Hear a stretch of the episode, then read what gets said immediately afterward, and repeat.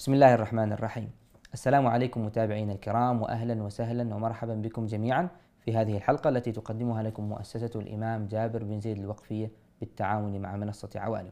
ضيفنا في هذه الحلقة باذن الله هو الدكتور أبو زيد المقرئ الإدريسي. ولد عام 1960 ميلاديا بمدينة مراكش بالمملكة المغربية. حاصل على شهادة الدراسات العليا تخصص لسانيات سنة 1987 عمل أستاذا للتعليم العالي شعبة اللغة العربية وشعبة الدراسات الإسلامية بجامعة الحسن الثاني بالدار البيضاء أكاديمي وسياسي.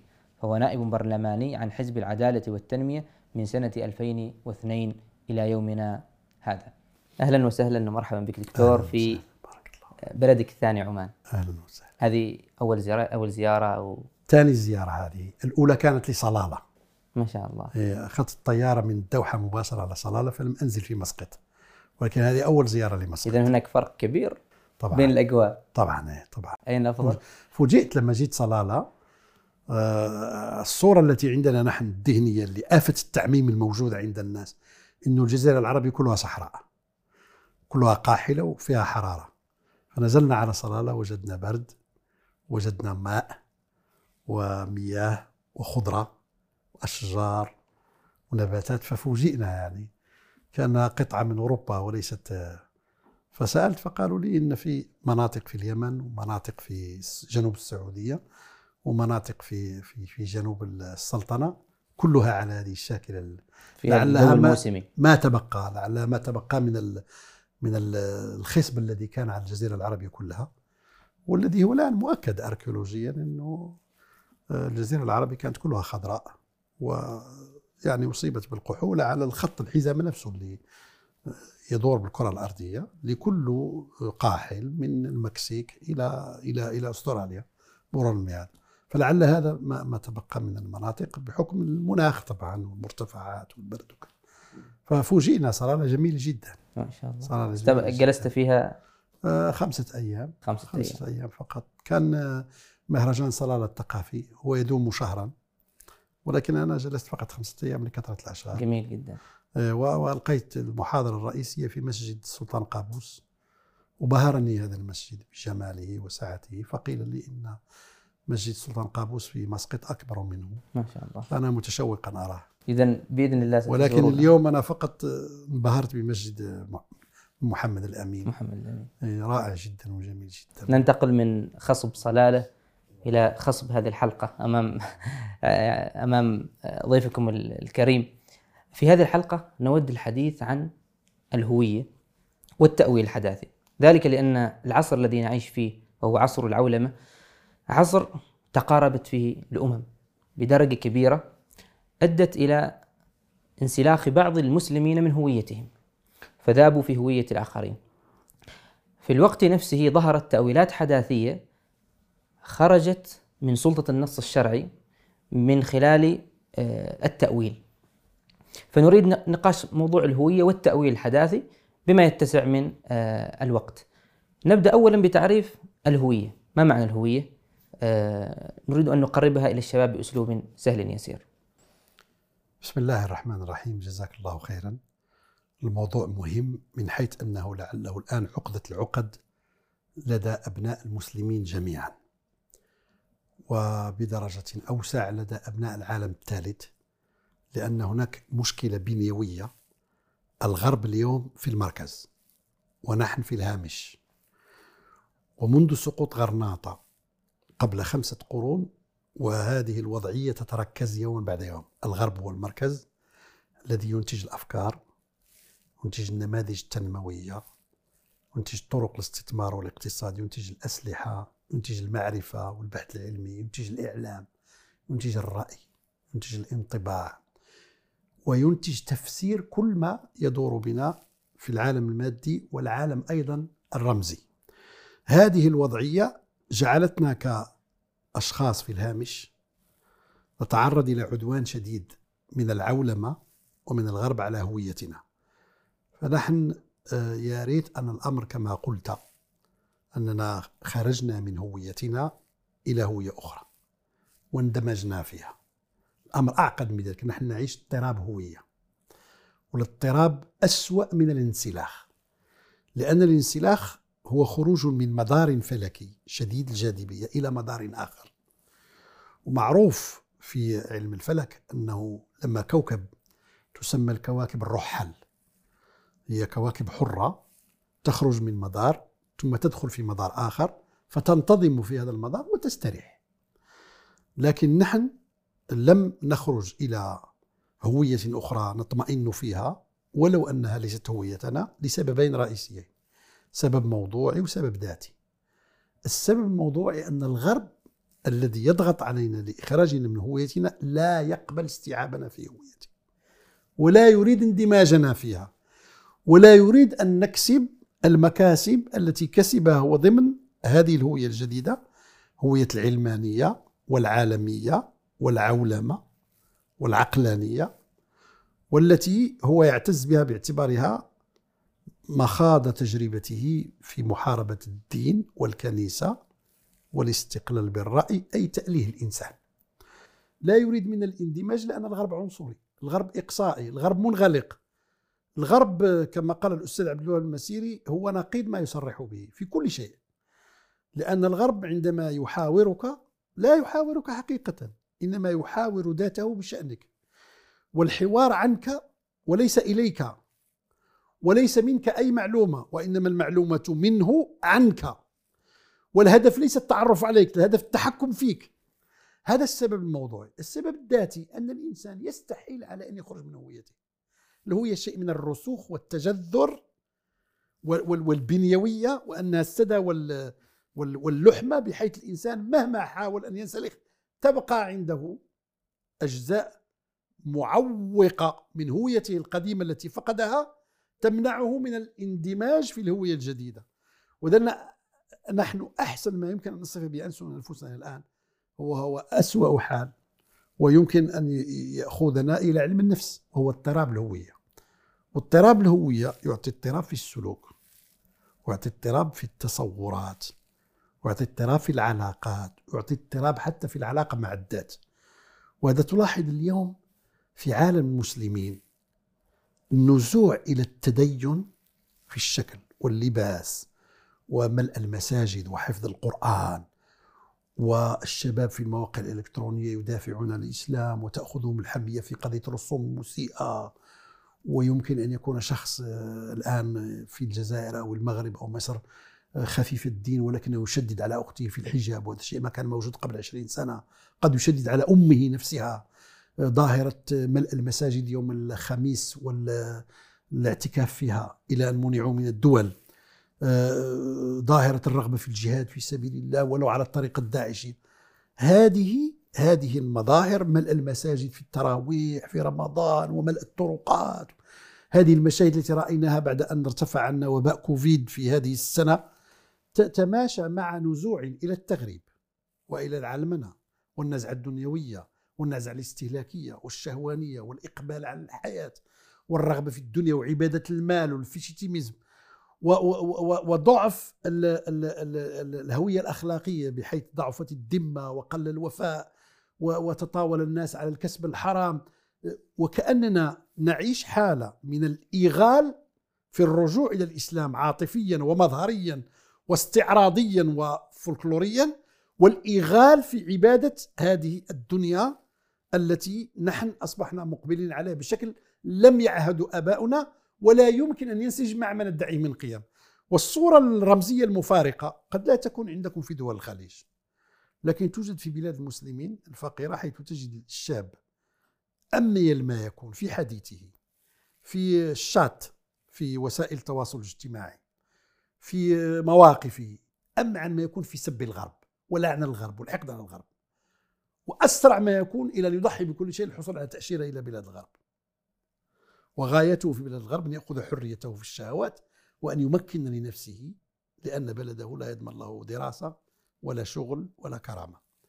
فنحن فعلا نعيش حالة من السكيزوفرينيا حالة من الفصام بسبب القوة الغربية الحضارية الضاغطة التي وصلت بنا إلى حالة من الاجتتات والرسوخ الهوياتي الذي عمره 15 قرنا والذي يجرنا من الجهة الأخرى إلى حالة من التمزق. هل هذا نحن في هذا الوضع الآن. هل هذا يعني يتوائم مع ما يذكر من أن التبشير للنصرانية كان بهدف آه، إدخال الناس إلى النصرانية سابقا آه، ثم نظر أعداء الإسلام إلى أن لا حاجة إلى إدخالهم وإنما إلى تمييع دينهم. فلا هم انتقلوا إلى هوية أخرى ولا هم بقوا على هويتهم. هذه النقطة آه، هي إحدى الأدلة القوية على ما أشرت إليه من الغرب لا يقبل أن يدمجنا. لو أخذت مثال واحد بلد كالجزائر جاء إليه استعمار ليس كأي استعمار إنه استعمار فرنسي. والاستعمار الفرنسي رغم التشابه بين كل أنواع الاستعمار الأوروبي إلا أن الاستعمار الفرنسي أكثر إغالا في جانب الثقافة واللغة. في حين الاستعمار الإنجليزي معروف أنه يميل أكثر إلى جانب الاقتصاد والسياسة.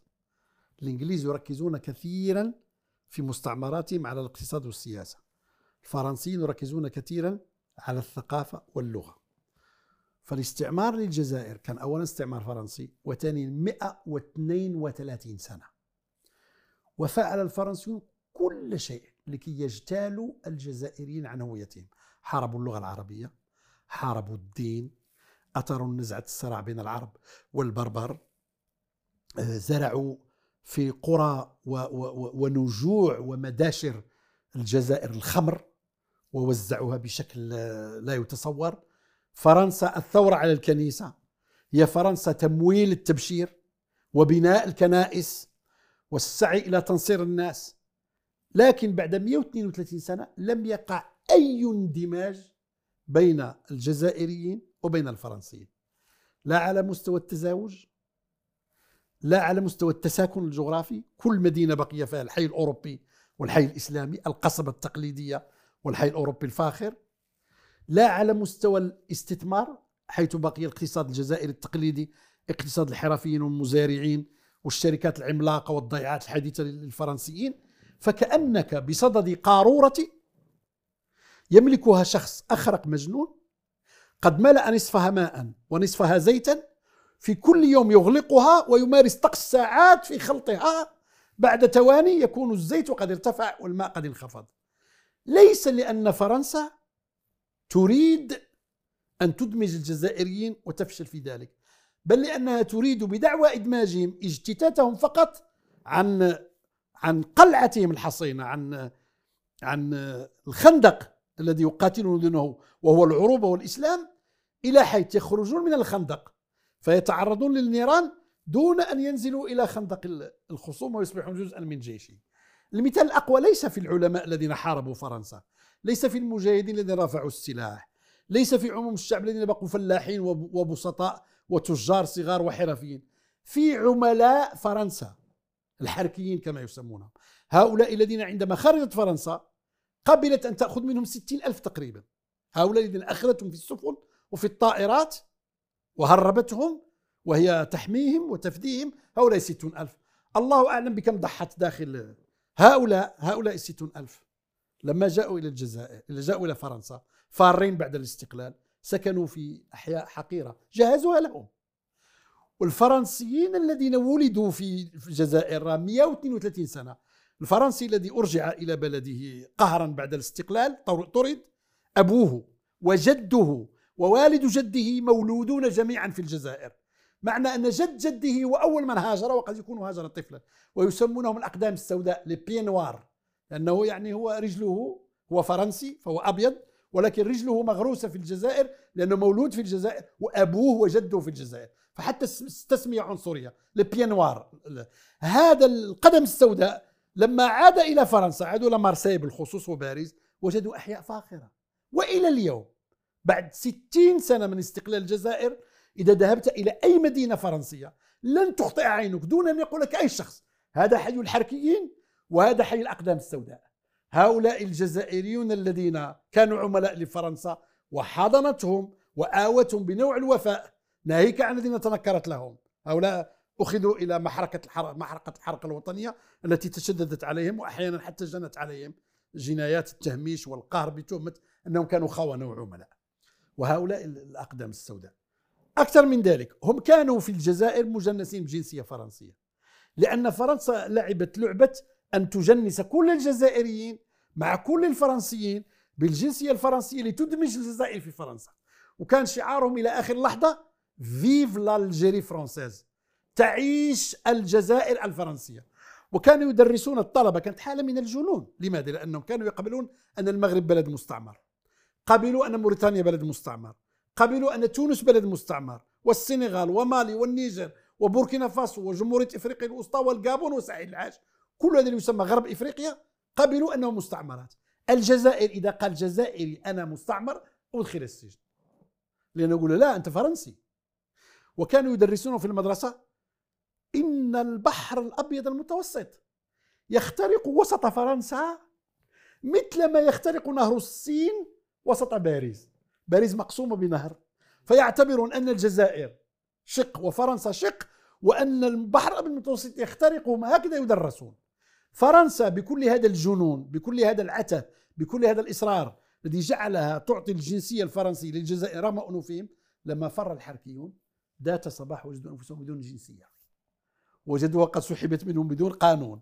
ووجدوا أنفسهم مطالبين أن يملأوا الأوراق ويتقدموا بطلب الإقامة ثم يطلبوا الجنسية وكأنهم وافد من البرازيل أو وافد من أستراليا أو وافد من جنوب إفريقيا. فهذا يدل على أن الغرب لا يقبل أبدا أن يدمجك فيه إلا بقدر ما يرفع الشعار ليجتالك عن هويتك. ثم يبقيك في الوسط والوسط إذا خرجت من خندق ولم تدخل إلى خندق أنت في العراء حيث معروف في الاستراتيجية العسكرية أنت معرض لكل أنواع إطلاق النار. أنت الضحية أنت النقطة الهشة أنت الذي يمكن لأي حليق رأس مراهق في في في الجبهة الأخرى أن يتلدد ويتلهى فترة الهدنة بأن يجرب فيك خبرته في إطلاق الرصاص. المثال الحي هو ما أشرت إليه وهو أنه سنة 1906 عقد مؤتمر في آه، آه، القاهرة. مؤتمر تنصيري خطير. 1906 انظر ليس صدفة. 1906 عقد مؤتمر الجزيرة الخضراء. إذا حبيت بعدين نحكي عنه نحكي عنه لأنهما وجهان لعملة واحدة. رغم هذا مؤتمر سياسي لاستعمار المغرب وهذا مؤتمر ديني لتنصير المسلمين. الذي أشرف على هذا المؤتمر الذي دام شهرا. إحنا نعرف المؤتمرات ثلاثة أيام أسبوع من الكلفة والجهد دام شهرا كاملا. وخرج بوثيقة في حجم كتاب. الذي أشرف عليه اسمه القس صموئيل زويمر. احفظوا هذا الاسم جيدا. القس صموئيل زويمر. هذا يهودي. تنصر فقط ليدخل إلى الكنيسة حتى يفعل آليات التنصير لاجتياح المسلمين. مختصر الكلام. هذه المقررات التي صدرت في مجلد ضخم فيها بند يقول إن هدفنا ليس هو تنصير المسلمين لأن التنصير شرف لا يستحقونه وخلاص على يد المسيح لا نريده له. وإنما غرضنا أن نزعزعهم عن دينهم فيفقدوا أخلاقهم فيسهل السيطرة عليهم. ولا نريد من أن يبقوا مسلمين ولا أن يصبحوا مسيحيين. هذا سنة 1906 وما زال مطبقا. والشيخ آه، مساعد اليافي ومعه الشيخ آه، محمد عز الدروزة كان يتقنان اللغة الفرنسية بحكم أصلهما السوري فاطلع على الوثيقة التي كتبت بالفرنسية لأنه بين قوسين اللغة الرسمية للفاتيكان غير المعلنة هي الفرنسية. رغم أن الفاتيكان يصدر باللغة اللاتينية باعتبارها اللغة الدينية ويصدر باللغة الإيطالية لأنه في إيطاليا ويصدر باللغة الإنجليزية لغة عالمية لكن الوثائق الحقيقية الأصلية بالفرنسية وهذا منذ 300 عام. إلى اليوم؟ إلى اليوم وإذا اختلفت الوثائق واختصم الناس العودة في التحكيم إلى النص الفرنسي. وكثيرا ما تخفى أمور عن بقية الصياغ الأخرى ترجمات الأخرى. ولهذا الدكتورة زينب العزيز التي ألفت أكثر من عشرة كتب عن الفاتيكان وتخصصت فيه حتى تعرضت وهي عجوز فوق الثمانين لمحاولة اغتيال ودخلوا عليها بيتها وهموا بقتلها هذه المرأة التي كتبت حوالي عشر كتب عن فضائح الفاتيكان سر تفوقها شيئان أنها دكتوراه في الأدب الفرنسي من جامعة السوربون وأستاذة سابقا في فرنسا وأستاذة إلى أن تقاعدت للأدب والحضارة واللغة الفرنسية في جامعتي الزقازيق والمنوفية بمصر. ثانيا أنها امرأة ماهرة في عالم الإنترنت فتدخل إلى ما وراء الإنترنت العادي الإنترنت الأزرق تدخل لما يسمى ديب إنترنت والدارك إنترنت اللي هو ال ال ال الإنترنت العميق والإنترنت الأسود. وهناك تجد النصوص وتشتغل عليها. حتى حدثتني أن ابنها الوحيد الذي أنجبته. وللأسف درس في صربيا الكمبيوتر وتزوج صربية أيضا درس الكمبيوتر. وأنجب منها ولدين أصبحا مهندسين في الكمبيوتر أربعة عباقرة في الكمبيوتر عائلة. ابنها غير متدين للأسف وهي زوجها توفي لأن تزوجت رجلا أكبر منها بكثير في سن والدها أو أكثر فتوفي عنها وهي صغيرة ربت هذا الولد. فما عندها في الدنيا هذا الولد فراحت إليه في لندن وسكنت معه. بعد مدة قال لها يا أمي إما أن تتركي التنقيب في الإنترنت عن الفاتيكان وإما أن تعودي إلى آه، القاهرة وأنا لا أريد أن أكون ابنا عاقل لأنهم سيقتلوننا جميعا.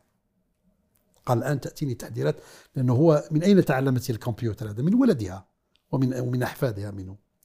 فالمرأة تقول إن اللغة الفرنسية هي هي كاتمة أسرار الفاتيكان والوثائق الحقيقية هي في الفاتيكان. فمساعد ليافي ومحمد عز الدروازة لأنهما يعرفان اللغة الفرنسية وقفا على الوثيقة الأصلية من مجلد ضخم وترجماها ولخصاها وأخرجها في كتاب من 300 صفحة عنوانه الغارة على العالم الإسلامي وهذا صدر سنة 1927 أي بفارق حوالي 21 سنة عن تاريخ المؤتمر. والكتاب موجود لكن تقريبا شيء مفقود وكأنه محارب. وبين قوسين أغلب كتب محمد عز الدروزه محاربة. واليوم المسلمين للأسف لا يقرأ. في هذا الكتاب هذا التصريح أننا لا نريد من المسلمين أن يصبحوا مسيحيين. فهذا يختصر كيف أنه يريدون أن نعيش هذه الحالة. هذه الحالة البرزخية. لا نحن منتمون إلى الهوية الغربية ولا نحن منتمون إلى هويتنا. أختم لك بمثال آخر أنه مهم جدا جدا جدا. لماذا معركة الحجاب في فرنسا؟ هل تظن أنت دولة خطيرة مثل فرنسا دولة مخابرات دولة رسوخ في الاستعمار إمبراطورية عملاقة رابع قوة اقتصادية في أوروبا وعسكرية. تخاف من الحجاب أو حتى تنزعج منه. هل الأمر مزاجي إلى هذه الدرجة؟ لا.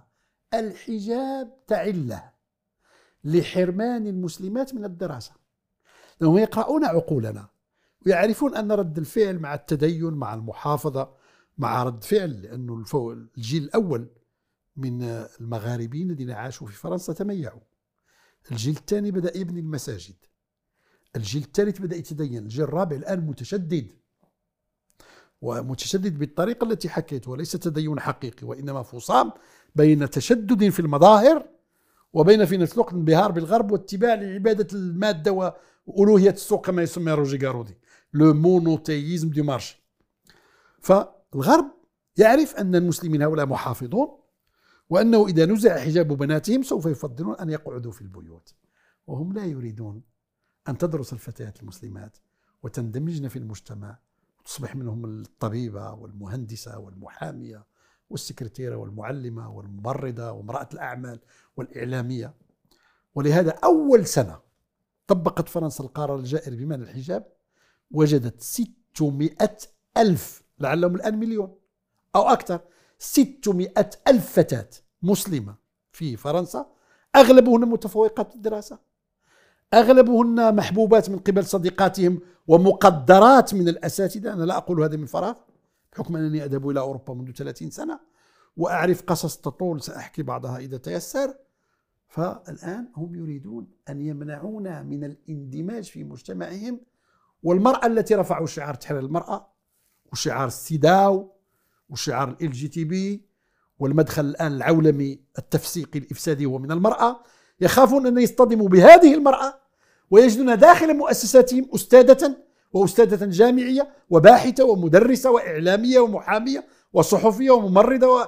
فهم لا يريدون هذا. فهذا جوهر المعرفة. ولهذا الغرب لا يريد اندماجنا فيه بدليل أن الفتاة المحجبة في فرنسا تريد أن تبقى بحجابها وتدرس وتكون فرنسية قلبا وقالبا وروحا وتتقن الفرنسية وتشتغل في الإدارة الفرنسية وتعمل في طاحونة الدولاب الاقتصادي الفرنسي وتنفع فرنسا وتخدم فرنسا وتتس وتساهم في تقديم فرنسا. لكن فقط تبقى بحجابها بكل ما يعني من بقائها مؤمنة مسلمة تنجب أولادها في الحلال تحافظ على التماسك الأسري وتربيهم على الدين لا يريدون هذا.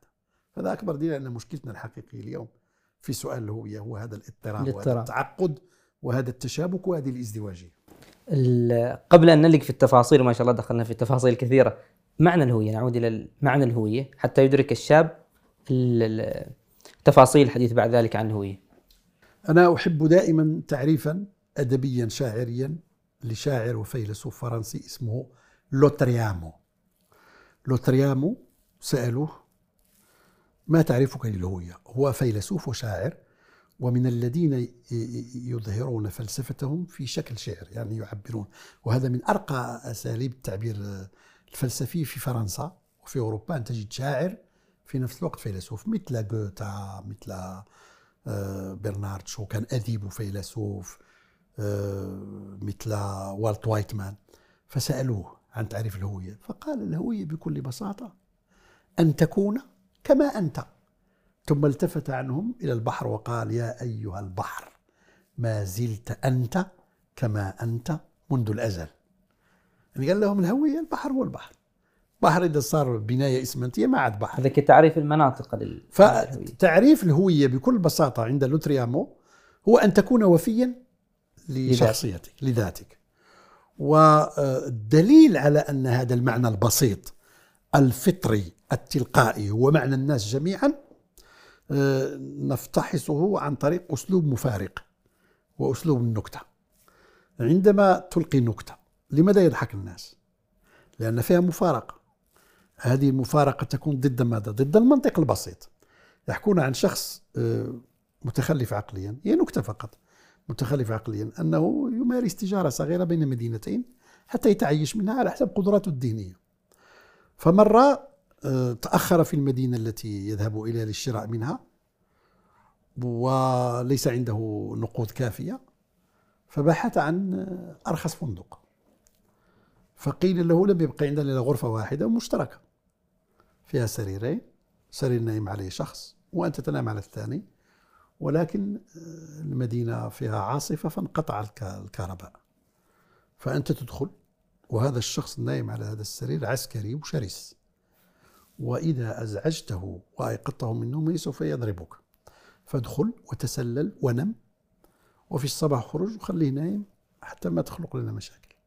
قال خلاص أنا أصلا سأذهب باكرا لألحق بأول قطر أعود إلى بلدي. فخلع ثيابه فندق رخيص ليس فيه إلا مسامير تعلق له فخلع ثيابه وعلقها وعمل بوصية مضيفة الفندق أنه يستيقظ في الظلام حتى لو كان النور رجع ولا يشعل النور ويلبس ملابسه ويخرج. فلبس ملابسه في الظلام وخرج. ولأنه يعني متخلف دينيا لما تقدم وأشرقت عليه الشمس اكتشف أنه لبس لباس الجندي وراح في الظلام أخذ ملابس الجندي فقال ما هذه المغفلة؟ أوصيتها أن توقدني باكرا فتركتني نائما وأيقظت الجندي. لماذا تضحك هذه النكتة؟ لأن فيها مفارقة أن الإنسان لا يدرك ذاته لا يدرك هويته. ف الإنسان هو الإنسان. وفكر فكر حتى تعرف أن مسألة الهوية هي الرسوخ في الذات. فكر على غفلة من شخص. أن تأتي إليه بكل براءة تقول له وهو ذكر هل أنت أنثى؟ نفس الشيء. خذ امرأة على غفلة وقل لها هل أنت رجل؟ سيكون رد الفعل واحد. غضب واستنكار وصدمة وارتعاشة يد وستقول لك الفتاة ولماذا أكون رجلا؟ وسيقول الرجل ولماذا أكون أنثى وربما العقلية الذكورية تفهمك أن الرجل يغضب إذا قلت له أنت امرأة. ولكن المرأة في مجتمع ذكوري لماذا تستنكر وتغضب إذا قلت لها أنت رجل؟ لأنها راسخة في شعورها الداخلي بهوي. كأنثى وهو راسخ في شعوره الداخلي كذكر. ولو نطق الحيوان لكان الكلب معتزا بكلبيته والحمار معتزا بحموريته والبقرة معتزا ببقريتها. لأن هذا جزء من المكون الفطري الغريزي الذي هو العمود الفقري والذي هو النواة الصلبة للإنسان. فالهوية هو أن تكون كما أنت كما قال لوتريانو. لكن هذا لا يمنع أن الإنسان يستكشف هذه الهوية يفككها يسائلها يحللها يصفها. أنا سوف أقدم لك تجربة أكثر من عشرين سنة في القراءة عن الهوية عند الماركسيين عند العلمانيين عند الفلاسفة عند الفقهاء عند المؤرخين. عند علماء النفس أختصر على كل هذا خلاصة فهمي أنا للهوية. أن الهوية هي توفر خمسة عناصر. وبدون هذه العناصر خمستها مع ترتيبها الهوية إما مائعة وإما ضائعة وإما منغلقة. فالعنصر الأول والثاني يعطيك تحقيق الهوية والعنصر الثالث ورا بيعطيك رسوخ الهوية في الواقع والعنصر الأخير يعطيك انفتاح الهوية. ما هي هذه العناصر الخمس بالترتيب؟ الدين واللغة والثقافة الإيجابية والتقاليد النافعة والانفتاح. سأشرح لك لماذا هذه العناصر ولماذا ترتيبها؟ الدين. انظر معي بعد ثلاثة قرون تقريبا من الثورة ضد الدين. بعد قرنين ونصف من الثورة الفرنسية. بعد هذا المد الطاغي من العولمة والعقلانية والحداثة والعلمنة والعلمانية. مع الثورة الشيوعية التي جاءت بالشيوعية الإلحاد. مع هذا الذي يسمي روجي جارودي ألوهية السوق أو لو فيتيش لو فيتيشيزم عبادة الأشياء المادية. مع هذا الاجتياح المادي الذي اجتاح البشرية. إلى اليوم كيف نعرف الدول؟ اسأل أي شخص مسلم مسيحي لا أدري. سيعرف لك أوروبا بأنها قارة مسيحية وأمريكا بأنها قارة مسيحية وأستراليا بأنها قارة مسيحية والعالم الإسلامي بأنه منطقة إسلامية والصين بأنها بوذية والهند بأنها هندوسية. عموما الخريطة في اللا شعور في اللا شعور الإنسان يسقط ألوانا على أشياء. هذا معروف. وعندما تذهب عند الطبيب النفسي أو عند المحلل النفسي أول ما يبدأ معك يقول لك حتى يكتشف شخصيتك. إذا سألته مثلا عن حلم ويحتاج أن يفسر لك هذا الحلم في إطار اكتشاف عقدة عندك أو مرض. هكذا يفعل البسيكاناليز لست أدري هذا صحيح أم غير صحيح. فمثلا يسألك ما لون الاثنين عندك؟ والثلاثاء والأربعاء أغلب الناس يسقطون ألوان لا شعورية على الأيام. وأنا أعطيك شخصيا منذ طفولتي إلى الآن كنت أظن أن هذا حتى عند الناس جميعا. أنا أرى الاثنين أخضر والثلاثاء رمادي والأربعاء أخضر والخميس أحمر والجمعة بيضاء والسبت أسود والأحد أبيض. نحن نسقط لا شعوريا ألوانا على أيام. ولا أظن هناك شخص لا يربط بين لون وبين يوم. طيب نحن في آه، القارات الموجودة شئنا أم أبينا نسقط؟ الدين دين. على قارة ما زال الدين محددا كبيرا للهوية. حتى في هذا الزمان الذي لم يشهد زمان قبله موجة الإلحاد وموجة العولمة والعلمنة والعقلانية والحداثة وألوهية السوق والفيتيجيزم وعبادة الدنيا وتأليه الإنسان وتأليه العقل. مع كل هذا الذي على المستوى السلوكي والخطابي والفكري وطبعا الجرأة بالشذوذ الجنسي والتحويل الجنسي والإلحاد والإجهاض و و و والاستهزاء بالإيمان. مع كل هذا ما زال الدين مقوم. حكى لي الدكتور علي المنتصر الكتاني وهو من كبار علماء الكهرباء في العالم ومؤرخ ومحقق وداعية إلى الله رحمة الله عليه. حصل على الدكتوراه في الكهرباء. من جامعة أوكلاهوما وعمره 23 سنة آه، هو من العشرة الذين طوروا الطاقة الشمسية ومن مطوري الطاقة النووية ومؤسس ورئيس شعبة الكهرباء في جامعة الدهران للبترول والمعادن في السعودية. لما جاء عندهم ما كان عندهم شعبة كهرباء قال كيف؟ جامعة البترول ليس فيها شعبة كهرباء هو من أسسها وافتتحها ورأسها ونادرا ما كان السعودية أجنبي رأس شعبة. هذا الرجل آه، في نفس الوقت مؤرخ وفقيه ومفكر وداعية وله تحقيقات حقق رحلة ابن بطوطة وحقق كتب جده وكان داعية إلى الله. فقال لي كنت أدرس في الجامعة في أمريكا ومعي زميل شيوعي. تعرف آه، الشيوعي آه، في أمريكا مثل الناقة الحمراء؟ نادر. مثل الكبريت الأحمر. غير موجود لأن أمريكا بآلية الذكية قضت على الشيوعي كان في حزب شيوعي ودمرته بدون أن تقضي عليه بالأساليب الأمنية الغبية للعالم الثالث. فقال هذا الشيوعي الشيوعي في أمريكا ليس هو الشيوعي في روسيا ولا في أوروبا ولا عندنا. الشيوعي في أمريكا عادة ما يكون إنسان ضد النظام. يكون شخص عنده نوبل في الأهداف. ويكون عدو للرأسمالية وعدو البيت الأبيض والبنتاغون والخارجي يكون ضد الاستعمار ضد الهيمنة ضد الرأسمالية ضد الربا. حتى وهو شيوعي. فلذا كلمة شيوعي في أمريكا تعني شيء من النبل. هذا إلى اليوم إلى اليوم ما زال عندنا غورفيدال الذي يدافع عن فلسطين وهو يهودي لأنه شيوعي. ما زال عندنا نوام تشومسكي أحد كبار الذين كانوا شيوعيين ويدافع عن فلسطين وضد إسرائيل وهو يهودي. فقال لي كان واحد معنا الشيوعي قال فكنت أأنس به أنا متدين وهو شيوعي لأن كلانا ضد أمريكا. فمرة كان يحكي معه فتناقشا والأخ كان عنده ولع بالأندلس رحمة الله عليه وقد توفي بغرناطة بقرطبة وأسس الجامعة الإسلامية الدولية جامعة بن رشد في قرطبة لأن والده رحمه الله الشيخ المنتصر الكتاني أول من أدخل الدعوة الإسلامية إلى إلى إسبانيا بعد وفاة فرانكو الذي كان مستبدا وديكتاتورا وكان يمنع الإسلام. فبدأوا يحكوا عن الأندلس. فإذا بالرجل ينسى أنه ليس إسبانيا هو أمريكي. وينسى أنه شيوعي صار مسيحي. قال بدأنا في النقاش فيقول نحن أنتم نحن أنتم أخذتم لنا الأندلس هزمناكم أخرجناكم من الأندلس. قال في لحظة من اللحظات قلت له من أنت؟ لست إسبانيا. والأمريكان معروفين يحقرون الهسبانوفون الذين أصولهم إسبانيا يحتقرونهم. هم في الدرجة الثالثة من الاحتقار. عندك في في أمريكا ثلاثية الاحتقار يحتقرون الهنود الحمر الدرجة التي أرقى من السوء يحتقرون السود.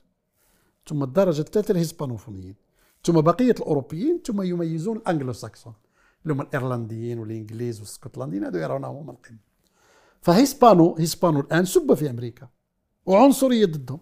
فيقول له أنت مش hispano أنت أمريكي أنت مش مسيحي أنت ما آه، ملحد ماركسي أنت ضد الرأسمالي في لحظة نقاش ناسية أنه ماركسي وأنه ضد الرأسمالية وأنه عدو لأمريكا وأنه ضد البنك وضد الربا و وبدأ يتحدث أنتم غزوتم الأندلس ونحن انتزعناها منكم. فالإنسان يؤوب إلى أصله. هذا الدين العنصر الأول. عنصر الدين. أختم لك بواحدة. زرت أكبر متحف في العالم على مستوى المساحة. والآن بعد أن دمر الأمريكان متحف بغداد صار أول متحف العالم على مستوى المساحة وعلى مستوى عدد التحف. لأنه كان هو أكبر متحف على مستوى المساحة وثاني أكبر متحف على مستوى عدد التحف. التحف اللي كانت في متحف بغداد القومي لم تكن موجودة في مكان في الدنيا. تقريبا 380 ألف قطعة. هذا اسمه The Metropolitan Museum المتحف المتروبوليتاني موجود في نيويورك. وله عدة أبواب وضخم جدا وطرق الدخول إليه ميسرة تكنولوجيا. مع ذلك تأخذ ساعتين ثلاث أربع ساعات حتى تدخل إليه. طابور طابور. فلاحظت شيء. الأمريكان عندهم نزوع للتميز عن الأوروبيين والتعالي عليهم. وحتى في أبسط شيء في المقاييس الحضارية الأوروبيين يقيسون بالسنتيمتر هم يقيسون بالبوصة. هؤلاء يقيسون بالكيلومتر هؤلاء يقيسون بالمايل. أه، حتى نظام التشبيك الكهربائي هؤلاء بتردد 40 وهؤلاء بتردد 50 أه، إذا جبت قطعة تشبيك كهربائي من أمريكا لا لا لا تنضبط على أوروبية. يحبون يتميزوا الأوروبيين في كل شيء. مقاييسهم حتى في الحرارة هؤلاء بالفرنايت وهؤلاء بالسلسيوس. فتجد الأمريكان عندهم آه، وسواس. أن لا يقيسوا المسافات أن لا يقيسوا الزمن تردد الكهربائي بمقاييس الاوروبي كل شيء عندهم يريدون لأنهم هم طارئون على الحضارة هم نقطاء حضاريا أوروبيين أعرق.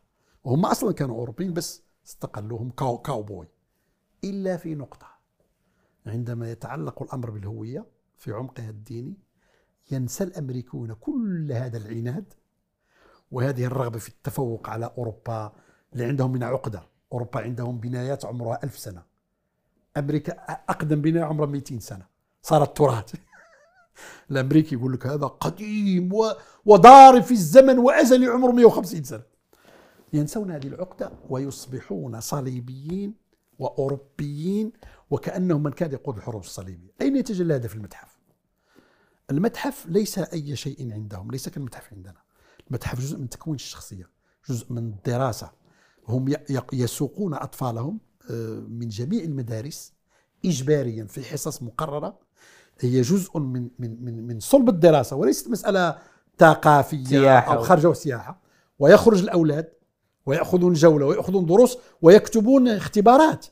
يكتبون إنشاءات عن ما شاهدوا ويرقم عليه وعندهم هذا محدد بسنوات بعينها. لابد من زيارتين في الابتدائي ومن زيارتين في الإعدادي ومن زيارة في الثانوي. أقل ما يحصل طالب ست زيارات.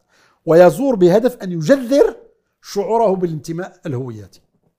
ففي هذا المتحف الذي عندما دخلت إليه وجدت عشرات الأفواج من مختلف المدارس يضعون لهم يضعون لهم نظام تناوب حتى ما يقع ازدحام.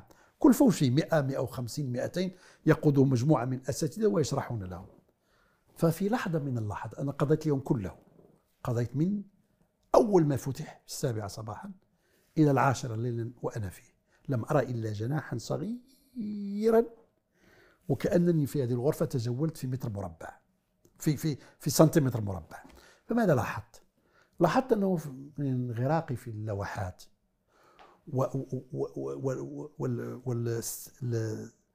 والزرابي السجادات المعلقة اللي هي سجادات عبارة عن لوحات لكنها عوضا تكون بالألوان بالخيوط والتماثيل والنصب والتذكارات والتحف.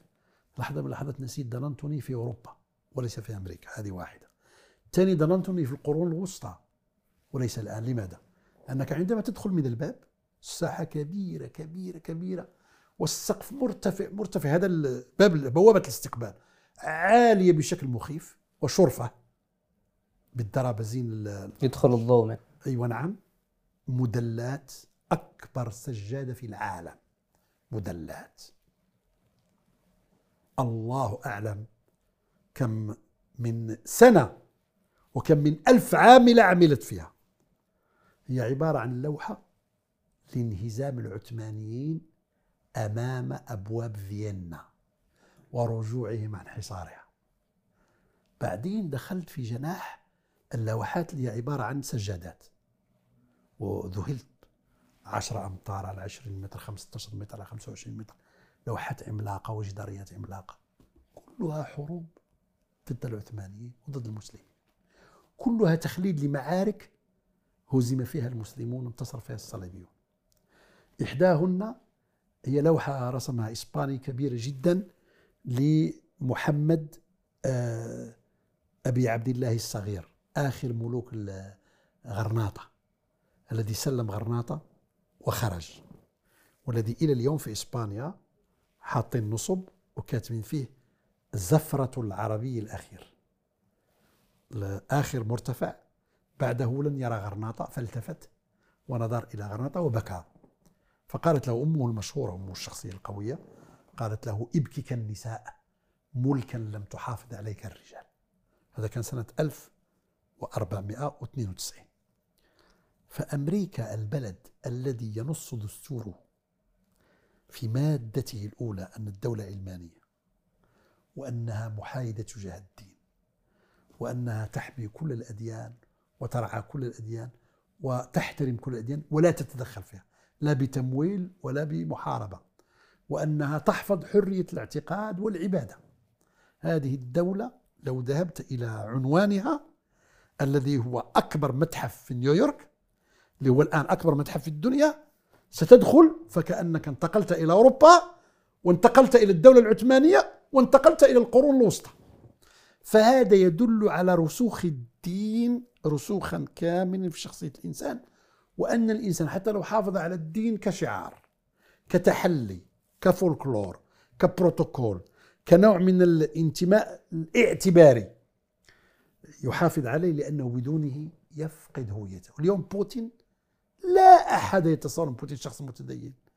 لكن بوتين مصر على الكنيسة الأرثوذكسية أن تكون معه ومصر على طقوس توليته وتشريفه واعتماده على يد هؤلاء الكرادلة الكبار وحريص في حربه إلى أوكرانيا أن يأخذ بركتهم وأن ينشرهم على الجبهات يعيدون الجنود. وحريص رغم أنه مستغني كرجل مخابرات وسياسي قوي وشرس ستالين الجديد. مستغني عن بركتهم مستغني عن موافقتهم مستغني عن كنيستهم لا حاجة له بهم. قادر أن لو عاد شيوعي أن ينكل بهم ويحرقهم جميعا ولا ينقصون من ملكه شيئا. لكن هو حريص لأن هذا البعد الديني عند الشعب الروسي. بعد كم؟ بعد 75 سنة من الشيوعية والإلحاد.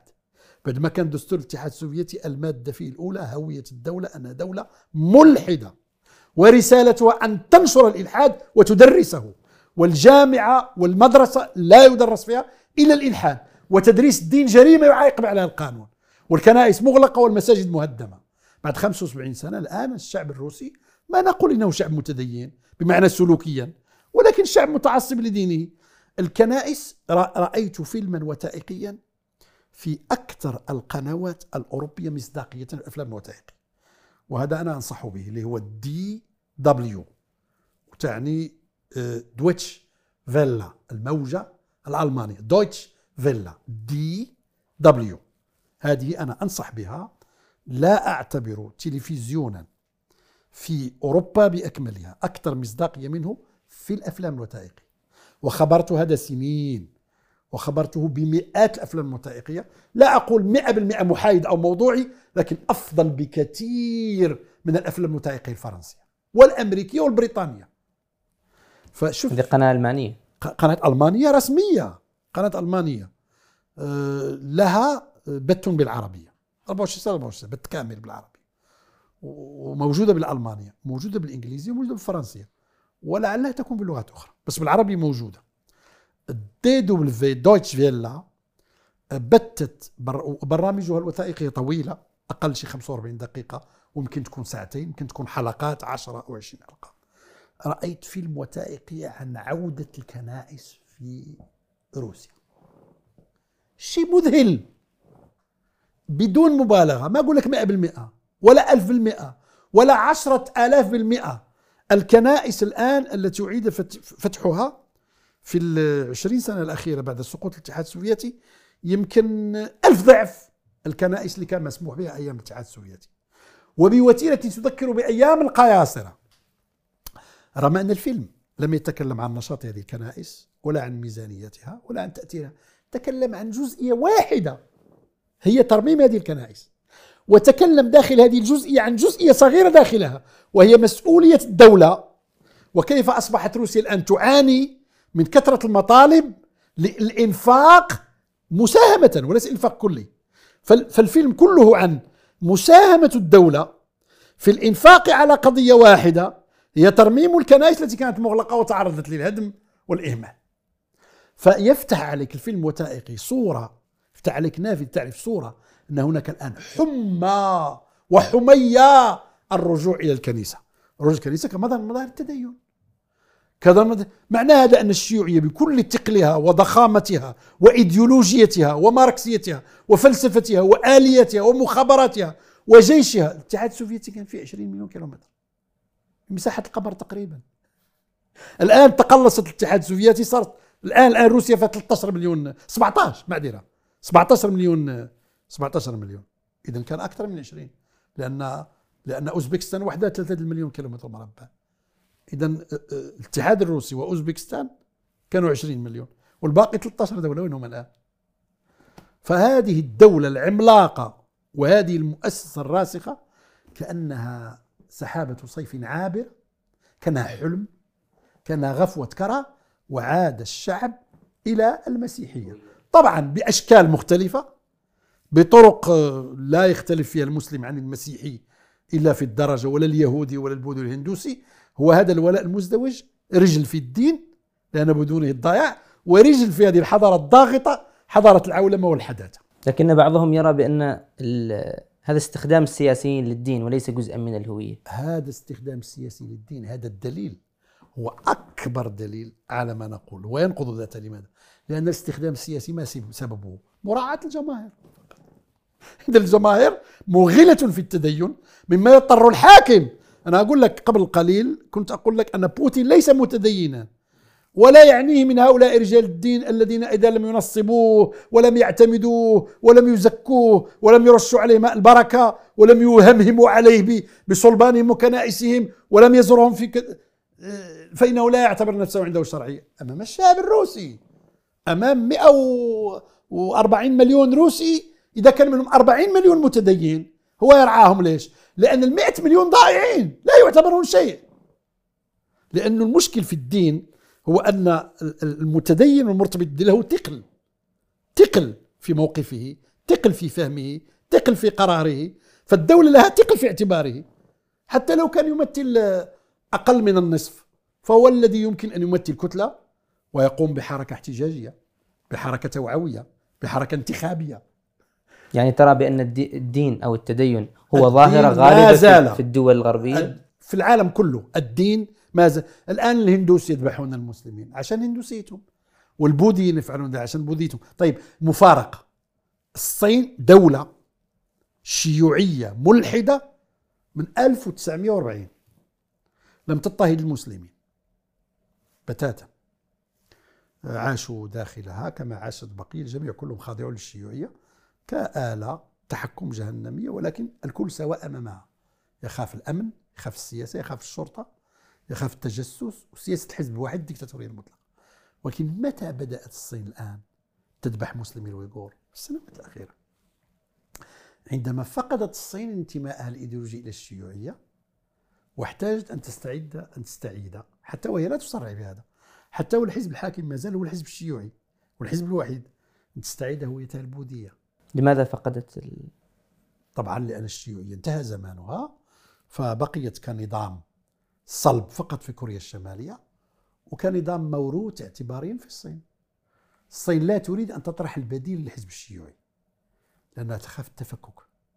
تعرف أن أمريكا تدخل عليها من لعبة الديمقراطية ومخطط تفكيك الصين موضوع على الطاولة من أيام آه، ريغان. والخطة مكتملة على المستوى النظري مجهزة على المستوى المادي. كل آلية الطرق الإفساد التي عملوها في أمريكا اللاتينية لإسقاط اليسار يمكن أن يعملوها في الصين إذا فتحت الصين باب التعددية والديمقراطية هذا الباب لا يغلق بدون بديل. الطبيعة تخشى الفراغ. البديل هو أن يستمر الحزب الشيوعي. ليستمر الحزب الشيوعي على الأقل كلمة الشيوعية اعتباريا تبقى لها قيمة. لكن لا أحد اليوم من مسؤولي الصين يتكلم عن الماركسية أو يتكلم عن الماركسية اللينية أو يتكلم عن الماوية أو يتكلم عن الإلحاد. أبدا. بالعكس الصين أصبحت رأسمالية على المستوى الاقتصادي. وبالعكس آه، رئيس وزراء المغرب حكى لنا في لقاء في البرلمان لما زار الصين والتقى مع الرئيس الصيني وقال له أريد أن, أن نتعلم منك هذا السر في النهضة الاقتصادية الصينية. قال لأننا طعمنا الشيوعية بالقيم الكونفوشيوسية. رجعوا إلى كونفوشيوس نبيهم وزعيمهم فالدين هو العنصر الأساس من الهوية. الدين عنصر أساسي ولا أدل على ذلك من أننا في زمن لا دين ما زال الدين هو أرسخ نقطة عند كل شعب يتميز بها عن غيره. أعطيك المفارقة دائما المفارقة أحسن. لعلنا نختم هذه النقطة لأنها طالت. فرنسا ليس أي دولة أخرى. فرنسا الدولة الملحدة رقم واحد في العالم على مستوى الإحصائيات. أعلى نسبة إلحاد في العالم في شعب موجودة في فرنسا مش موجودة في روسيا. هذه واحدة. الثانية فرنسا التي قادت الثورة الفرنسية التي كان شعارها اشنقوا آخر ملك بآخر بأمعاء آخر قسيس. استخرجوا أمعاء القسيس شنقوا بها الملك. فرنسا التي أحرقت الكنائس وقتلت رجال الدين ولم تفرق بينهم وبين العائلة الملكية ذبحت الجميع. فرنسا دولة متطرفة أعلنت إلحادها مباشرة سنة 1789 من اليوم الذي يعارض دخول تركيا للاتحاد الأوروبي؟ ولا يستحي أن يذكر السبب. إن هذا خطر على الهوية المسيحية لأوروبا إنها فرنسا. طيب ستقول لي فرنسا تفعل هذا فقط من باب خداع الشعب الفرنسي. ولماذا؟ لأن المد اليميني الآن في فرنسا هو مد عنصري ومد متطرف ومنغلق وإقصائي ولكنه مد يستند إلى الكنيسة. كما قلنا عن بوتين نقول عن ترامب. من يدعي أن ترامب شخص متدين؟ وهو الذي جمع ثروته من عمل الدعارة في روسيا أيام كان مستثمرا. عارضات الازياء وملكات الجمال والدعارة الخفية و و ونوادي المساج. التدليك. ولكن هو عندما قامت القيامة عليه مع قضية اونتوني آه، عند قضية جورج فلويد لما مات مختنقا. اي كانت بريث خرج إلى الكنيسة ورفع الإنجيل. ومشاكله مع بايدن. ومشاكل حزبه الجمهوري. مع الحزب الديمقراطي مشاكل مع اليسار الأمريكي. اليسار الأمريكي يشجع الإلحاد ويدافع عن الشذوذ والإجهاض والمخدرات. و و وترامب المنحل سلوكيا منغلق فكريا على المسيحية والكنيسة والإنقاذ والإنجيل والرب وعيسى فإذا استدللنا بهؤلاء المائعين الفاسدين المنحلين السياسيين أنهم يعطون لهذا للدين كل هذا الاعتبار. كيف بغيرهم؟ من الجادين في إقامة الدين والمعولين عليه سواء كانوا على حق أو باطل سواء كانوا مسلمين أو أو هندوس أو بوذيين. فالدين اذا ما زال الإنسان يتحدد ما زال الإنسان يتحدد عند نفسه بالدين. بدون دين يضيع البلد. تضيع هويته أنا أقول لك شيء مثلا في العالم الإسلامي اليوم عندما غزينا بال بالشركات الغربية. دولة مثل السعودية صارت الشركات الأمريكية والألمانية والفرنسية والإيطالية تجتاح المزادات وتستولي على كل مشاريع الإنشاء. لولا أن الدين الإسلامي يحرم الدخول إلى الحرمين الشريفين. لما كان لمقاولة سعودية واحدة أن تأخذ فرصة نفس حتى تصبح من أكبر المقاولات لأن التي وسعت الحرمين الشريفين. وكل المقاولات التي أخذت نفسها في السعودية ما بين 1970 إلى 2000 بدأت بمكة والمدينة حيث لا يمكن لمقاولة كافرة أن تدخل لمجرد حكم شرعي بسيط في عدم جواز الدخول عند حدود الحرمين الشريفين فقس عليها صناعة الملابس صناعة الحجاب حتى صناعة الحمامات التي توضع فيها مياه من أين وجدت تركيا في بداية نهضتها فرصة لكي تنافس على الحمامات؟ سوى أنها تبنيها على طريقة إسلامية تسمح بالوضوء والاستنجاء بطريقة شرعية. الطعام الحلال في أوروبا من أين دخل المسلمون؟ إلى شيء من التنافس على صناعة الأطعمة. هل يمكن لإنسان في أوروبا أن ينافس الشركات العملاقة في إنتاج الأغذية؟ هل شاهدت فيلما وثائقيا عن ماذا يفعل الكوريون أو الصينيون في الإنتاج الضخم بالجبال المتلتلة من اللحوم والبهارات؟ لولا قضية الحلال التي سمحت لبعض الشركات الإسلامية أن تبدأ بقضية الذبح وقضية شحم الخنزير وكذا. الدين أحيانا يعطيك فرصة لكي تثبت في وجودك الاقتصادي أو تنافسك المادي أو ذوقك الجمالي أو من أين استطاع المسلمون أن يفتكوا لهم مكانا في عالم الفن الذي سيطر عليه الغرب. لولا أن الإسلام يحرم الصورة فدخل المسلمين إلى العالم المنمنمات والخروم وهذه الرسومات المجردة الموجودة على موجودة على طاقيتك. الموجودة في المساجد في البيوت. حتى الأوروبيون يسمونها la mouche arabe الذبابة العربية لأنها رأوها مخربشة مثل الذبابة صغيرة هكذا la mouche arabe. كل هذا الجمال الارابيسك كلمة الارابيسك اللي هي النقش على لولا أن عندنا بابا لا ينافسون عليه الآخرون. يتعلق بحكم فقهي بسيط هو حكم أنه لا يجوز الصورة حتى والأمر خلافي. لما كنا دخلنا عالم الفن العالمي بهويتنا وعطائنا وإضافتنا النوعية. ما كان عندنا قيمة مضافة أصلا. ولهذا الدين لا يغرسك فقط في القيم يغرسك حتى في التراب حتى في المادة. لا ينفعك في الآخر ينفعك في الدنيا. أنت بدون هوية دينية شخص مستهلك للأفكار والسلع والقيم التي عند الآخرين. وهذا هي علامة الموت الثلاثية كما ذكرها المربي العظيم والمفكر الحضاري الكبير ماجد عرسان الكيلاني رحمه الله صاحب كتاب إخراج الأمة المسلمة وصاحب كتاب الشخصية المسلمة وصاحب كتاب هكذا ظهر جيل صلاح الدين مربي كبير درس علم التربية في أمريكا وأضاف إليه تنظير عظيم في علم التربية الإسلامية. يقول لك الأمة التي تبدأ باستهلاك الأشياء ثم تتبعها باستهلاك الأفكار ثم تستهلك القيم هي أمة تنتهي تنتحر الانتحار. نهاية الانتحار تستهلك القيم. هل هناك أمم انتهت؟ والله لاحظ آه، اليونسكو مش أنا اليونسكو.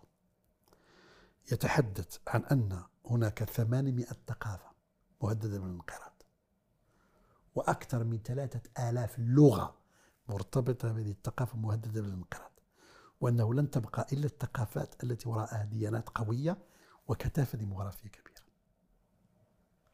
وهذا مثلا إذا قرأت في التاريخ ماذا فعل بالمسلمين من الصليبيين والتتار والمغول إلى الاستعمار وأزلت عنصر الدين يمكن أن تتصور المسلمين وكأنهم شخص تمت إذابته بعد قتله في في صهريج من الحامض. خلاص أصبح يعني سائل ثم رمي في مصرف من المصارف الصحية. فالدين يساعد تصور فكرة البنوك الإسلامية. رغم أن الرقم متواضع لكن الرقم الآن بآلاف المليارات من الدولارات سوق الأموال الإسلامية سواء في لندن حيث أعلى سوق شبه مفارقة. وأعلى بورصة إسلامية في العالم موجودة في لندن أمريكا أوروبا براغماتيكيين ونحن عندنا أيضا. هذا اللي اسمه الاقتصاد الإسلامي. قل فيه ما شئت. قل فيه أن البنوك الإسلامية تعتمد شيء من التحايل. قل فيها أنها تعتمد شيء من الازدواجية في المعايير. قل فيها أن فيها أشخاص أتروا من وراء استعمال الدين في, في الأبناك. المالية الإسلامية البورصة الإسلامية السندات الإسلامية. قل عنها أن الرقم ما زال بسيط جدا لا يصل إلى اقتصاد بلجيكا. لكن هل كان لهذه الكينونة أن تكون؟ لولا أن هناك فكرة اسمها الربا حرام. فكرة صغيرة على خطورتها في الإسلام. واحد سطر كلمة جملة أن الربا حرام أعطانا. طيب تخيل ما عندنا ربا حرام. نحن في الاقتصاد دائبون ذوبان كلي في الغرب. يضاف إلى هذا أشياء أخرى مثل أننا لا نتاجر في المحرمات كاللحوم غير المذبوحة ولحم الخنزير والخمور ولا نستثمر في الكازينوهات القمار إلى آخره. إذا عندك حكم شرعي صغير. أنا أذكر أول ما بدأت تركيا نهضتها كانت دولة غارقة في التخلف والمديونية وكانوا يأتون إلى الخليج يشتغلون سواقين وحلاقين. إذا الواحد منهم حظي بتأشيرة عمل في في في في الخليج في السبعينات كان يعتبر هذا غاية المنى جنة الفردوس.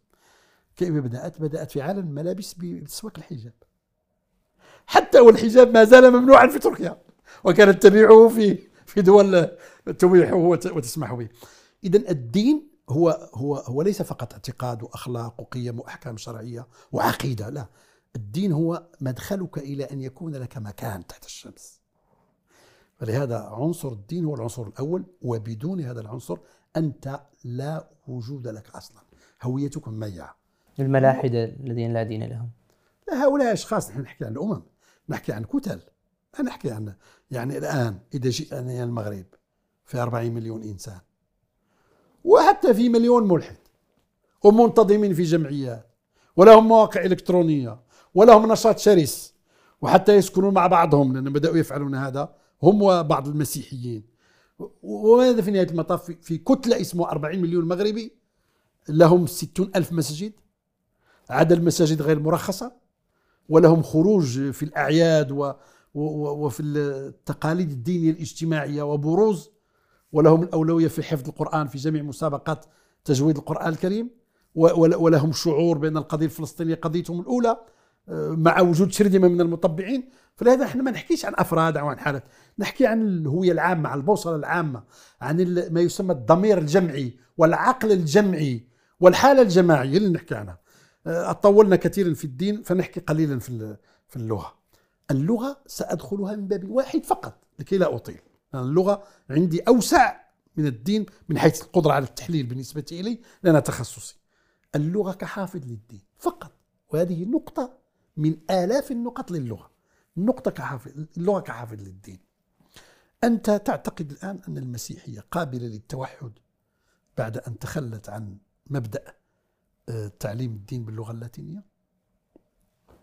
حتى واللغة اللاتينية ليست هي اللغة الأصلية. هذه مفارقة. الإنجيل نزل بالآرامية وسيدنا عيسى كان يتكلم الآرامية واليهود في فلسطين الذين كان منهم عيسى كانوا يتكلموا آرامي والعبرية كانت قد انقرضت واللاتينية ما كانوا يعرفونها اللاتين كانت في أوروبا. ولكن في مرحلة معينة تواضعوا لما قامت الدولة الدينية في في في في, في أوروبا لما تحولت الكني... الإمبراطورية الرومانية الإمبراطورية البيزنطية لما تحول الكيان السياسي الجامع والعسكري والأمني والحضارة إلى المسيح يتواضعوا على اللاتينية. اتفقوا اتفقوا عليها. وألزموا الناس بهذه اللغة. فبها يطبع الإنجيل لما صارت المطبعة يكتب الإنجيل قبل الطباعة. يقرأ الإنجيل يتلى تكتب العلوم. هي لغة تدريس في الأديرة لأن أوروبا كانت تغرق في الجهل. ما في مدارس ولا جامعات. كانوا يأتون إلى قرطبة ليتعلموا وإلى إشبيليا وغرناطة إلى الأندلس. كانوا يأتون إلى المغرب. البابا سيلفستر الثاني درس الرياضيات عندنا في جامعة قرويين. وكان أستاذ رياضيات ثم بعد ذلك راهب ثم كاردينال ثم بابا. كان عندهم الأديرة. والشعب كان كله أمي. والمتعلمون فقط هم الرهبان. وبماذا كانوا يتعلمون هذه يتعلمون الدين والعقيدة والإنجيل وتفسير الإنجيل والقيم والمواعيد والفلك والطب والصيدلة وعلم النبات كل هذا الذي كانوا يتعلمونه الرهبان في الأديرة باللغة, باللغة اللاتينية. أول ما ثار مارتن لوتر على البابا وعلى الكنيسة وأسس حركة الاحتجاج اللي هي الحركة البروتستانتية. لأن to protest بالإنجليزية أحتجوا. I am protesting أنا أحتج هي حركة احتجاج. ثم صارت اسما لدين. إصلاح الدين. إصلاح الديني في القرن السابع عشر. ثم بعد ذلك يا سيدي ظهرت كنائس أخرى وتفرق الأمر.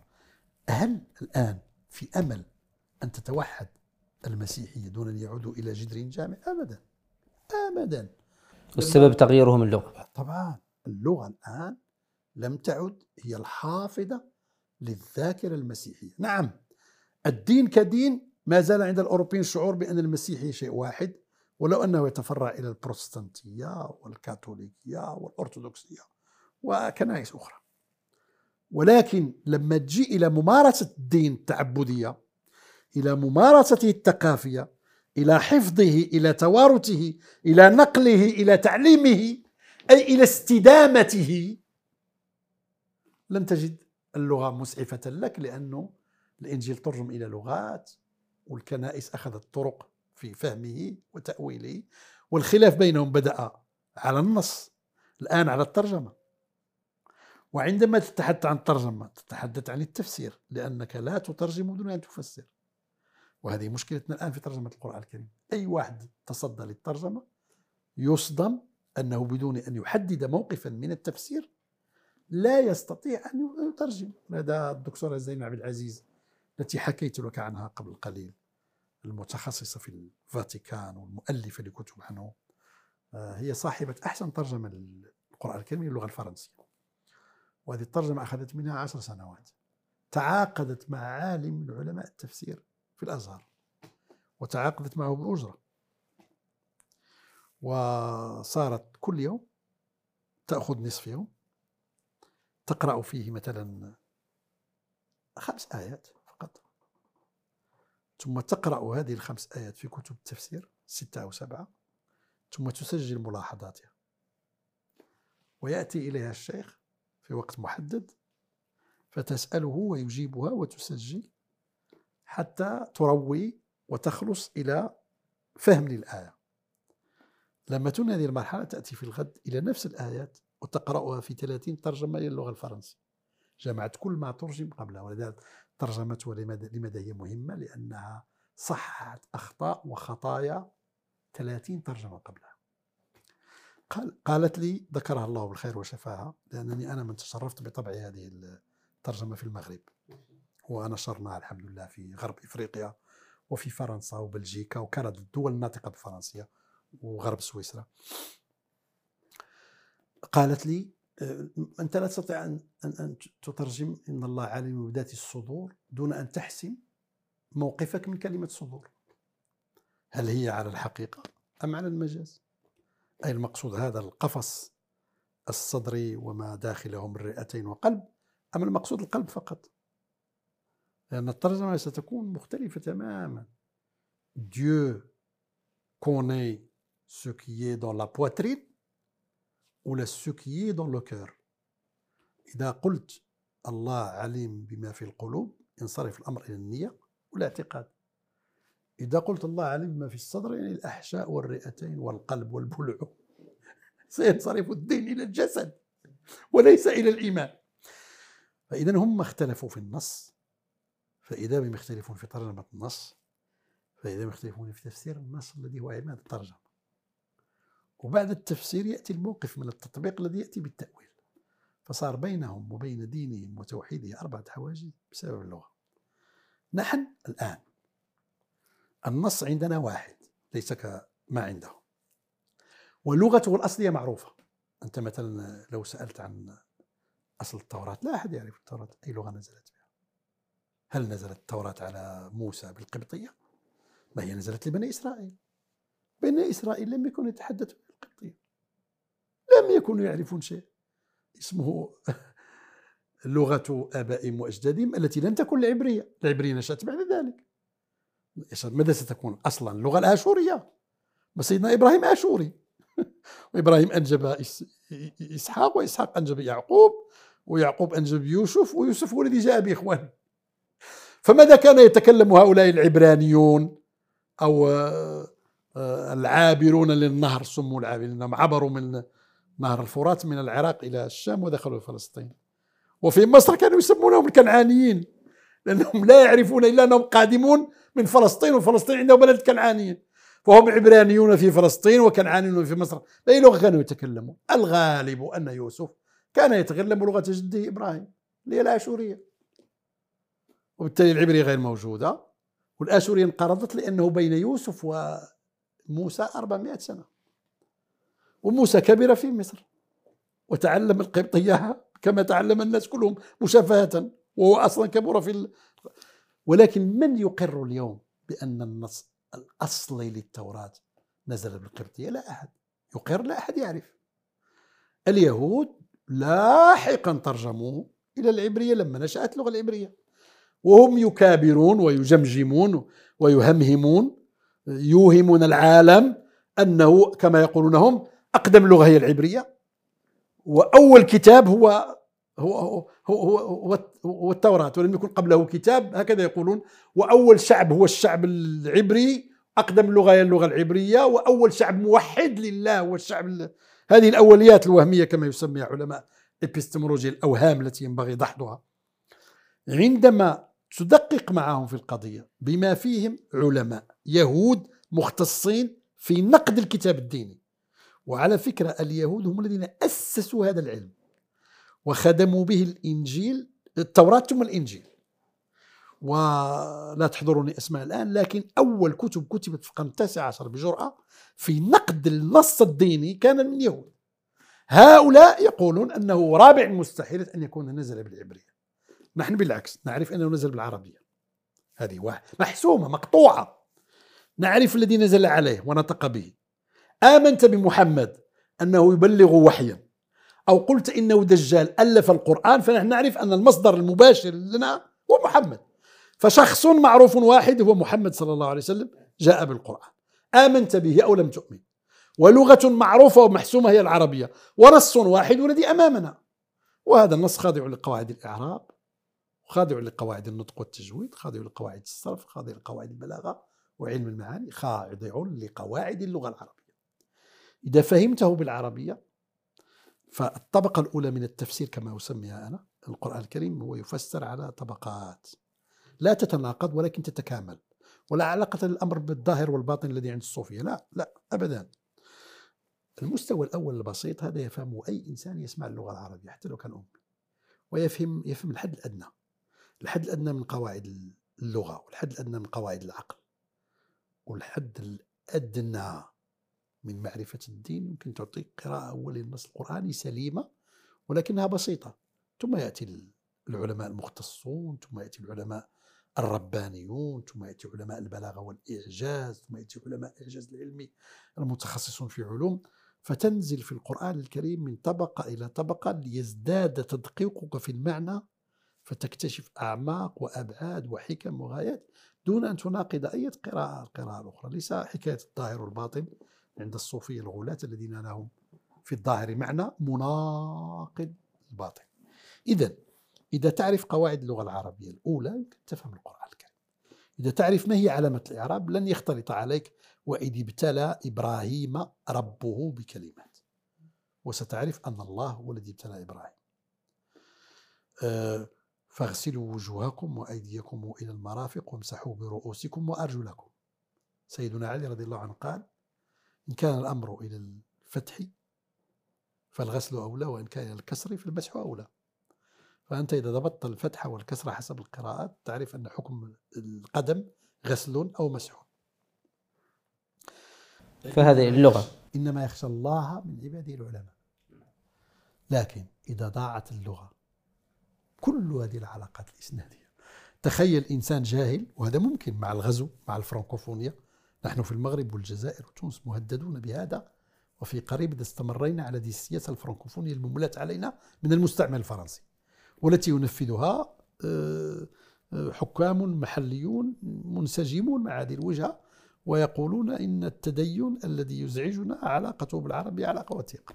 كلما أضعفنا علاقة الناس باللغة كلما كان تدينهم أقل خطرا علينا. سنصبح يوما ما نقول ابتلى إبراهيم ربه كفر. آه إنما يخشى الله من عباده العلماء. طيب على فكرة وإذ ابتلى إبراهيم ربه هذا انحراف سيكون جزئي. جزئي. حتى ممكن يكون منسجم مع فكر اليهود. هو أن اليهود يرون أن الرب يمكن أن يضعف وأن يغلب. وسيدنا يعقوب الذي هو إسرائيل صارع الرب فصارعه. ورغم أنه إسرائيل أسير الإل لوجود جذر مشترك بين العبري والعربي كلغات سامية أسير الإل. وأسير كانت تعني قديم العبد لأن العبد كان أسير والأسير كان عبد لارتباط العبودية بالأسر. كان المدخل الواسع لأي إنسان لكي يصبح عبدا أن يؤسر. فلهذا إسرائيل ترجمتها إلى العربية عبد الله. أسير الإل. والإل حتى في العربية هي الله. لا يرقبون في مؤمن إلا ولا ذمة. الإل والله إذا هم ترجموها بآسر الرب. أنه صارعه فصرع الرب. طوقه بذراعيه المفتولتين وأصح الرب داخل يديه. فقال أرسلني. فقال لا أرسلك إلا أن تعطيني وعدا. لأولادي بالأرض المقدسة. فهم فلما تقول وإذ ابتلى إبراهيم ربه هذا مسألة أولا جزئية وقد جزئي وقد يقبلها اليهود لأن عندهم فكرة أن الله ممكن أن يكون أضعف من شخص قوي مثل مثل يعقوب. لكن لما تكون عندك إنما يخشى الله هو من عباده العلماء. ستكون المسألة أقبح مما عند اليهود كمسألة جزئية. ستصبح ما عند النصارى وكنا قبل قليل نتكلم عن تأثير الوثنية في النصرانية. وشرح الدكتور عمر الشريف جزاه الله خيرا كيف أن أن المسيحية لم تلتقط نفسها. من أول يوم دخلت إلى الوثنية والسبب موضوعي كما شرح وهو أن المسيحية بقي ثلاثة قرون تقاوم التقتيل والتذبيح والاضطهاد. ورمي المؤمنين إلى السباع والضباع يأكلونهم أمام الجماهير يتفرجون. والحرق والصلب والقتل ويرغمونهم على الركوع لتمثال جوبيتر الإله الأعظم. فإذا لم يفعلوا يقتلونهم شر القتلى بعد ثلاثة قرون انتصرت المسيحية بالصبر والمكابدة عندما آمن قسطنطين الأول بأنه يصبح مسيحي. لكن لما جاء إلى المسيح هذا الإيمان ومحبة المسيح والصلب والخلاص وهذه الجانب الروحاني لا فيها تشريع لا فيها نظام وعنده دولة.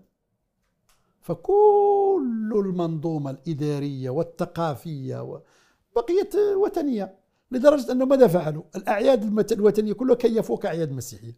اليوم هناك دراسات تكشف أن أصل كل عيد مسيحي عيد وثني الآلهة غيروا من آلهة إلى أسماء الشهور وأسماء ال...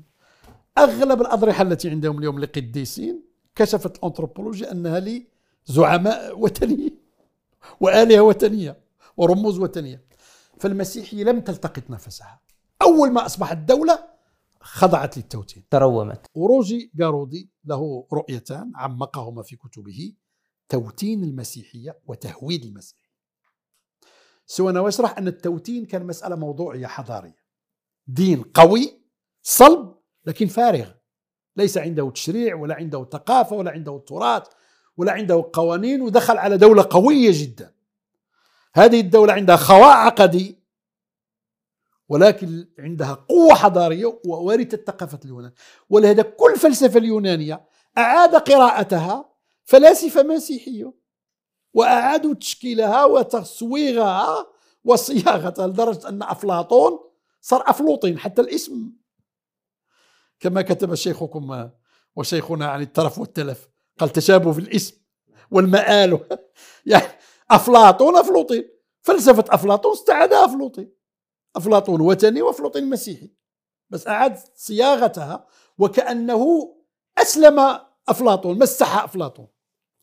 فموضوعيا تم توتين المسيحية ولكن تآمريا تم تهويل المسيحية.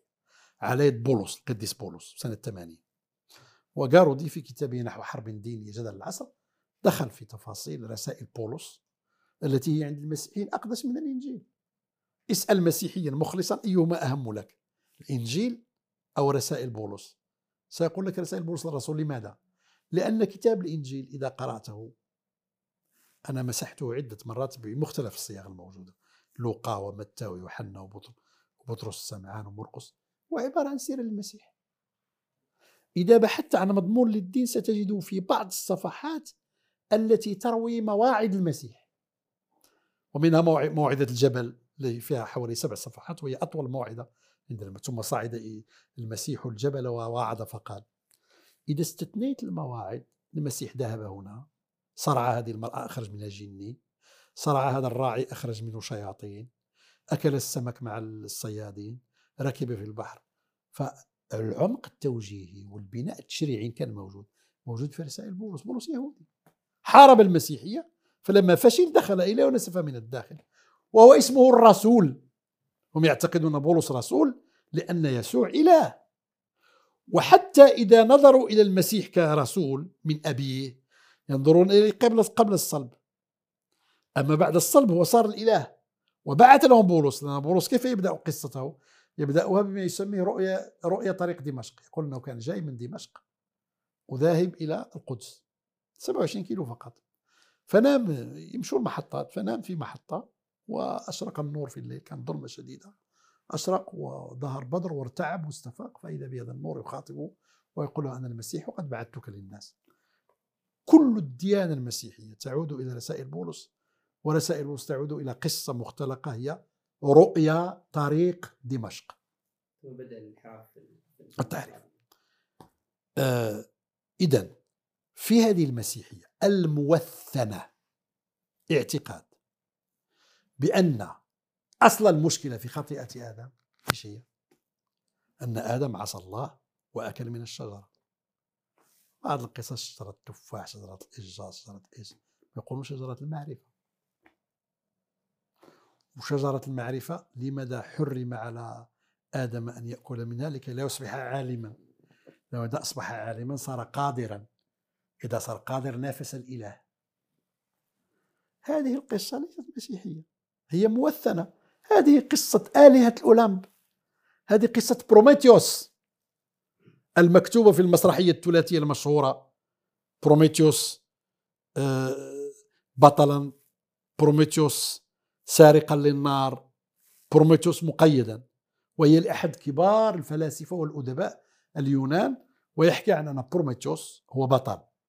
البطل في الثقافة اليونانية ليس كما نعتقد أنه هو الشخص الشجاع لا هذه جاءت من بعد بالتبع. البطل هو الشخص الذي أمه بشر وأبوه إله. لأن عندهم أن الآلهة تشتهي وتنزل إلى تشرب تسكر تغتصب بعض النساء تتزوج بعض النساء الجميلات. فإله أعجبته امرأة فتزوجها لأنها جميلة فأنجبت له البطل بروميتوس. إركول هرقل قوي في الأسطورة.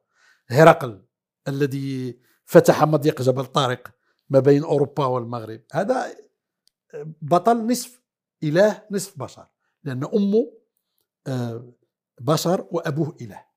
بروميتيوس لأن نصفه البشري يربطه بالناس حن إلى هذا النصف.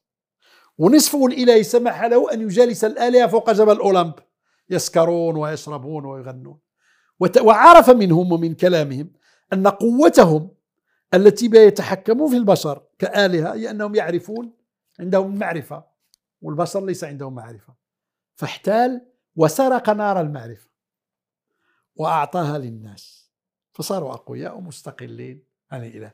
ولهذا عقدة الغربي ضد الدين وأن الإنسان عليه أن يمتلك زمام الأمور أن يسيطر على الطبيعة أن يتحكم في موارد العالم. آه، فكرة تاريخ الفلسفة عند أوغست كونت وكل الفلاسفة أن الإنسان يتقدم بقدر تقدم العلم فيتقدم الاستغناء عن الدين والتحكم في الطبيعية ثلاثية كلما تقدم الإنسان في العلم كلما تقدم في السيادة على الكون كلما استغنى عن الدين. جميل جدا. قبل أن يتقدم في العلم فيعرف الظواهر الطبيعية كان يفسرها بغضب الآلهة. فكان يقول إله الرعد إله الريح إله المطر إله الموج إله البحر إله الخصب. فلما عرف كيف هو يزرع الأرض وعرف كيف يصطاد السمك وعرف كيف يفسر هذه الظواهر استغنى عن الدين هذه العقدة أصلها منين؟ من أين؟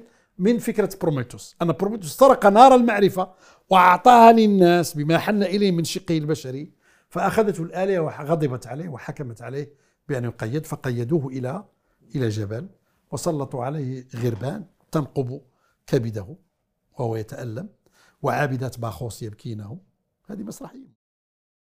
وإذا بقي القرآن سليما وصلتنا به منقطعة نحن الذين في خطر. نحن عندنا يقين بأن القرآن لن يضيع لن يضيع ككتاب. سيبقى بالعكس الآن القرآن سجل بكل الأصوات سجل بكل اللغات ترجم إلى كل اللغات مطبوع كل الطبعات حركة حفظه والإقبال عليه منقطعة النظير. اليوم أحسن من أي زمن مضى القرآن مؤمن عليه لكن علاقتنا به نحن ما هي ما هي العروة الوثقى التي تربط بين القرآن اللغة العربية؟ فلهذا مشروع الاستعمار عموما هو محاربة اللغة العربية والاستعمار الفرنسي بالخصوص ومحاربة اللغة العربية. يضاف إلى هذا أبعاد أخرى تتعلق بأن الإنسان حسب علم النفس اللغوي لا يبدع خارج لغته ولا يفكر خارج لغته بل لا يحلم خارج لغته. وأن الأوروبيين في مسيرتهم التاريخية الحديثة حسموا هذا الموضوع عندما بدأوا النهضة لم يعتمدوا تعلم لغات الدول المتقدمة لكي ينقلوا المعرفة وإنما اعتمدوا الترجمة. وهذا هو الأسلوب الذي عملناه في نهاية العصر الأموي وبداية العصر العباسي. وهذا هو الأسلوب الذي كانت بين النهضة التركية. والنهضة اليابانية والنهضة الإيطالية والنهضة البريطانية. حتى إن فرنسا إلى حدود سنة 1570 فرنسا الصغيرة آه، لا نتكلم عن فرنسا وراء البحار لا نتكلم عن إمبراطورية الفرنسي نتكلم عن دولة فرنسا الصغيرة هذه. داخل هذه البقعة كان فيها عشر لغات. لا نحكي عن لهجات لهجات أكثر. عشر لغات فصحى. واللغة الفرنسية كانت تسمى اللغة الفرنكية كانت فقط في باريس وما حولها. فملك في ذلك الزمان اتخذ قرار بمنع اللغات التسع الأخرى وتجريم من يتكلم بها ومعاقبة أشد عقاب وأخذ لغة باريس وما حولها وعممها على الفرنسية على فرنسا كلها. لو لم يقم بهذا الإجراء على أنه ليس إجراء ديمقراطيا ولا حقوقيا ولا إنسانيا وفي إبادة تسع لغات الآن انقرضت اللغات الأخرى. أوكيطانية والبروتونية والباسكية انقرضت اللغات الأخرى. بقيت فقط في أرشيف الأكاديمية الفرنسية وفي أرشيف الجامعة السوربون وتدرس كلغات منقرضة. لو لم يفعل هذا هل كانت ستكون فرنسا؟ هي فرنسا. هل ستقوم فرنسا بعد ذلك بنشر هذه اللغة في ال Hexagone اللي هي la France outre-mer ما وراء ال Hexagone la France outre-mer من جزر بولينيزي التي تبعد عن فرنسا ب 15 ألف كيلومتر. إلى السنغال ومالي والنيجر وشمال إفريقيا إلى الفيتنام التي ما زالت شريحة واسعة منهم بسبب الاستعمار الفرنسي يتكلمون اللغة الفرنسية. إلى جزر كيريباتي اللي أول ما تشرق عليها الشمس. والإمبراطورية الفرنسية بعد تقلص فرنسا لو أخذنا فقط غرب إفريقيا أكثر من 20 دولة تتكلم اللغة الفرنسية. لو لم يتم تعميم هذه اللغة في فرنسا وفرضها بالحديد والنار وإبادة لغات أخرى واجتتاتها عمدا وأسست في نفس الفترة الأكاديمية الفرنسية التي ما زالت إلى اليوم موجودة. الأكاديمية الفرنسية مؤسسة حكومية رسمية مهمتها صيانة اللغة الفرنسية وحمايتها وتطويرها وحل مشاكلها المعجمية والصرفية والإعرابية. اليوم الأكاديمية الفرنسية يمكن أن تتدخل ضد محل تجاري صغير. إذا كتب اسم التجارته بالإنجليزية. بالعربية. وتفرض عليه باسم القانون. في قانون أنا اطلعت عليه في البرلمان وحاضرت به عدة مرات قانون حماية اللغة الفرنسية. يمنع أن يكتب اسم محل تجاري باللغة الفرنسية. لاحظوا كيف محلاتنا التجارية في العالم الإسلامي كله. مكة مكة يا عباد الله تدخل إليها. تجد أكبر العلامات الإشهار العملاقة التي يختبئ وراءها البيت العتيق. بأسماء الشركات الأمريكية للأكل والملابس والشوكولاتة شيء يدل على أن غزينا في الفضاء الخارجي الفضاء الذي تلتقطه العين الذاكرة البصرية والتي تترسب لا شعوريا في في في لاوعي الإنسان بطريقة تعطي انطباع عن هوية الفضاء وهوية المكان. فرنسا إلى اليوم قانون حماية اللغة الفرنسية الذي تقوم عليه الأكاديمية، الأكاديمية الفرنسية عمرها 500 سنة. يمكن أن تسميها كما يسميها الكثيرون شرطي اللغة الفرنسية. هل عندنا نحن شرطي اللغة العربية؟ يمكن الأكاديمية أن تتدخل لمنع نشر كتاب لأنه في أخطاء أو في كلمات مستعملة من الدارجة أو أما على مستوى الجامعة يستحيل أن تناقش رسالة جامعية إذا لم تكن لغتك فصحى كلاسيكية عميقة فهم مدركون لأهمية اللغة وكونها عنصرا أساسا من وسأختم لك بفكرة سأختم لك بفكرة. أنا كنت عضو ممثل من البرلمان المغربي في البرلمان الأوروبي الموسع اسمه المجلس الأوروبي والذي يضم البرلمان الأوروبي اللي فيه 27 دولة و20 دولة أخرى. 47 دولة تجتمع فيما يسمى البرلمان الأوروبي الموسع وهو مؤسسة برلمانية عملاقة لا يوجد أكبر منها. وربما إلى البرلمان الدولي إلى مؤسسة البرلمان الدولي. لمدة ثلاث سنوات وأنا أذهب بشكل دوري كل شهرين إلى هذه المؤسسة. وفيها لجان أنا كنت عضو في لجنة اللغة والثقافة والإعلام. أوروبا تتجه بعقيدة متحمسة راسخة إلى أن توحد نفسها. وهذا وهذا اعتبروا البريكسيت نكسة خروج بريطانيا. ويريدون أن يوحدوا كل شيء الفيزا شنغن العملة الأورو قوانين التجارة قوانين الاستثمار حركة تنقل البضائع حركة تنقل الأشخاص حرية العمل. حتى إنهم طمحوا أن يؤسسوا دستور. مرة أخرى عودا إلى الهوية الدينية الذي أفشل الدستور وفرنسا. رغم أن فرنسا تعتبر أحد الطرفين اللذين يمثلان العمود الفقري للاتحاد الأوروبي وفرنسا وألمانيا. إذا أزلت فرنسا وألمانيا العمود الفقري للاتحاد الأوروبي انتهى. وفرنسا أحرص من ألمانيا على هذا الاتحاد لأنه هو الذي أعطاها قوة. وهو الذي يضمن أن لا تقوم حرب ألمانية فرنسية رابعة أو خامسة بعد حرب 1870 وقبل منها حرب 1815 وبعد منها حرب 1918 1945 وكانت دائما فرنسا تهزم مع ألمانيا. ففرنسا على حرصها على الاتحاد الأوروبي. لما وصلت المشكلة إلى الدستور اعترضت عليه لأن ألمانيا أرادت أن تعطيه هوية دينية وفرنسا دولة علمانية. ولكن الأوروبيين الذين وحدوا كل شيء القوانين والتجارة والعملة والتأشيرة والمحكمة محكمة لاهاي وداخلين في في الحلف الناتو الذين كادوا يوحدون الدستور. وعندهم هياكل الاتحاد الأوروبي كلها مجتمعة حكومة كاملة في في بروكسل في عاصمة بلجيكا. عندهم شيء واحد ليس فقط لم يوحدوه لا يريدون أن يوحدوه بل في الاتجاه المضاد اللي هو اللغة. وعندي تقرير من 500 صفحة مطبوع بالعربية آه، مطبوع بالإنجليزية والألمانية والفرنسية. صادر عن اللجنة الثقافية للاتحاد الأوروبي وهي لجنة تهتم بالثقافة والتعليم والإعلام. هذا التقرير إذا قرأته كله جداول كله إحصائيات كله أرقام. إذا أردت تلخصه في جملة ما هي؟ أن أوروبا يمكن أن تتوحد في كل شيء إلا اللغة لأن اللغة هي وجه الإنسان هي معالم هذا الوجه. توحيد اللغة يعني طمس معالم هذا الوجه. ولهذا في الاتجاه المضاد أوروبا التي تعرف أن الاختلاف اللغوي هو أكبر مشكلة عندها. تعرف الأوروبيين يحسبونها كل شيء فلوس كل شيء يحسبوه فلوس. يحسبون كلفة الترجمة إذا اجتمعوا في أي مؤتمر. ثقافي لغوي فني فولكلوري ديني سياسي عسكري. والمشاكل التي تقع بسبب هذه الترجمة والكلفة المادية والزمنية والوقت الذي يضيع ثم الاختلافات التي تؤدي إلى التقاضي بسبب تأويل كل نص. فالإنجليز متشبتون بالنص الإنجليزي والفرنسي بالنص الفرنسي. وهم يعرفون هذه المشاكل. بالمقابل يحسدون العرب. إذا اجتمعوا على كون اجتماعاتهم خاوية على عروشها لأنه على الأقل يتكلم المغربي والعماني بلغة واحدة ويتفاهم. وهذه النعمة نحن لا نحسها. هم الذين كتبوا عنها. أنا والله ما انتبهت إلى من كتاباتهم يقولون هؤلاء القوم الذين هم الآن شبه تبع لنا. آه، آخر فيديو سمعته لعبد الله النفيسي. اصطدم مع سياسي أوروبي. فقال له نحن نرفض هذه الأشياء. قال من أنتم؟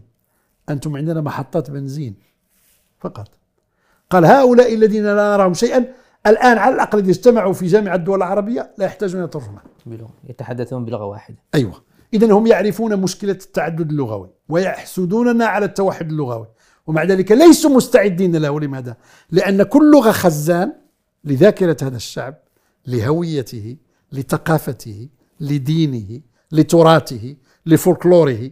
وكل واحد يريد أن يحلم بهذه اللغة ويبدع بهذه اللغة ويفهم بهذه اللغة ويخلد بهذه اللغة. عودا إلى الإشارة التي حكيتها عن اليونسكو عن 800 ثقافة و3000 لغة متهمة مهددة بالانقراض وهي في طور الانقراض بل قالت اليونسكو في مرحلة متقدمة من الانقراض. أعطوا لغات أصبح يتكلمها في العالم 12 شخص عائلة. وجدوا بعض اللغات الهنود الحمر. في الشيلي وجدوا لغة يتكلم عائلة مكونة من 12 فرد. فهم يعرفون أن اللغة رغم كلفة الاختلاف اللغوي رغم خطورة التعدد اللغوي رغم المشاكل التي تنجم عن الاختلاف اللغوي لأن اللغة هي الهوية. الآن خذ إيسلندا إيسلندا ليست إيرلندا ولا اسكتلندا ولا إنجلترا. إيسلندا بلد صغير يسمى بلد الحديث الح... بلد الجليد والنار فيه براكين تخرج من وسط الثلج هل تعرف أن إيسلندا وهي دولة فقيرة متخلفة تابعة للاتحاد البريطاني؟ قوام سكانها 300 ألف.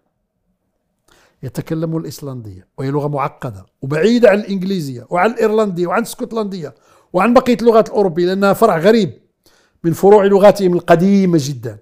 هذه الإيسلندية يتكلمها 300 ألف شخص في العالم. معناها هي من اللغات تسمى اللغات المنغلقة. لأن اللغات بعضها منغلق بعضها منفتح. مثلا الألمانية لغة منغلقة. كوريا الشمالية يتكلمها شعبان. تصور الألمانية يتكلمها شعبان. ألمانيا والنمسا. العبرية لغة منغلقة. يتكلمها اليهود. العربية لا لغة مفتوحة. الإنجليزية لغة مفتوحة. الإنجليزية ما تتكلمش عن المستعمرات تتكلم فقط عن أمريكا. وبريطانيا وكندا. إذا هناك لغات آه، الصين لغة كبيرة جدا تصور الإسلندية. إيسلندا فيها جامعة وفيها جميع الفروع يدرسون الطب بالإسلندية والدين بالإسلندية. بلغتهم بلغتهم اليونان وهم يعانون الآن متخلفين لو درسوا بالإنجليزي ربما يتقدمون. اليونان 22 مليون. أنا زرت اليونان فيها 25 كلية طب يدرسون باليونانية. هذا بخلاف حالنا نحن دول عربية و... أيوه. نحن ندرس فرنسي وأنتم تدرسوا إنجليزي. واليونان الآن جزء من محاولة خروجها من الأزمة أن تستقطب طلبة ويدرس فيها طلبة عرب. لو درست بالإنجليزي ستستقطبهم. لا مصير ندرس باليوناني نسأل الله أن يجمع. فإحنا إما أن نكون أو لا نكون باللغة العربية مسألة ليس عندها علاقة فقط بالقرآن وليس عندها فقط علاقة بالهوية وليس عندها فقط علاقة بالتميز عن الآخرين فيها علاقة بالوجود. عندما جاء كمال أتاتورك لم يلغي اللغة التركية فقط ألغى الخط. تعرفون الفرق؟ الخط هو واحد الجزئية من مليون جزئية في اللغة. الخط هو شيء خارجي. الخط خارج اللغة. الخط هو تسجيل اللغة على الورق مثل تسجيل اللغة على آلة الصوت. فقط فقط ارتكب جريمة أنه أزال الحرف العربي وجاء بالحرف اللاتيني سنة 1924 وفرضه. ماذا كانت النتيجة؟ اضطراب في الهوية. آه مش اضطراب مش اضطراب سأنقل لك بالحرف كلام على عزت بيغوفيتش. قال فارتدت الأمة التركية إلى تخوم البدائية بضربة واحدة. ليش تخوم البدائية؟ لأن يعني كل تراثها كإمبراطورية عملاقة عمرها ثمانية قرون مدون بهذا الحرف. فأول ما فرض على أول جيل يدرس الحرف اللاتيني قطيعة كاملة مع كل هذا التراث. تتخيل معي أنت إذا أرادت الدولة العثمانية أن تفرغ هذا التراث في الحرف اللاتيني. هو تركي وسيعاد كتابته بالتركية لكن فقط تفرغه في الحرف اللاتيني. كم تحتاج ميزانية؟ كم تحتاج عمر؟ ولهذا إذا كان التغيير ولهذا من من الأمور التي قضى بها الإنجليز خصوصا والفرنسيين من بعدهم الدرجة الثانية والإسبان البرتغاليين على الشعوب الإسلامية أنهم أرغموها كلها على التخلي على الحرف العربي. الآن الدول الوحيدة التي ما زالت تكتب لغاتها بالحرف العربي هي إيران باكستان وأفغانستان. تخيل هذه الخسارة. عندنا أكثر من 100 شعب مسلم يندرجون في 50 دولة إسلامية 52 دولة إسلامية و48 دول وما فيها أقليات. وأغلبهم لا يكتب ثلاثة فقط يكتبون بالحرف العربي اللي هما باكستان وأفغانستان وإيران. وهؤلاء موضوع تحت المجهر. وسترى وستسمع مقايضات فيما بعد على على أنهم يتخلون أيضا عن الله. خلاصة الأمر. هذا هذا الحرف فكيف باللغة؟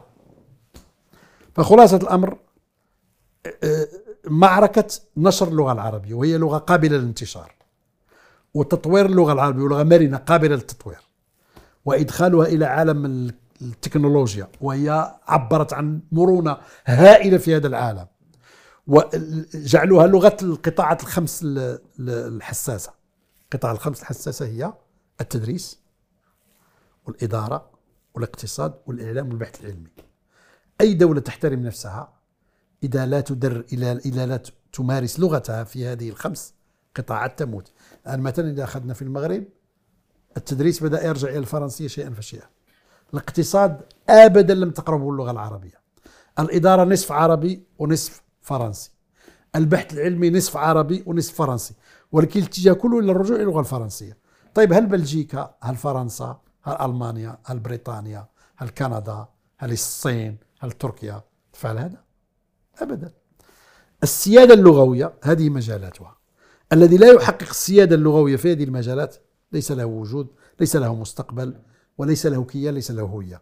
تمارس السيادة اللغوية لغة التدريس لغة الإدارة لغة الاقتصاد لغة الإعلام لغة البحث العلمي.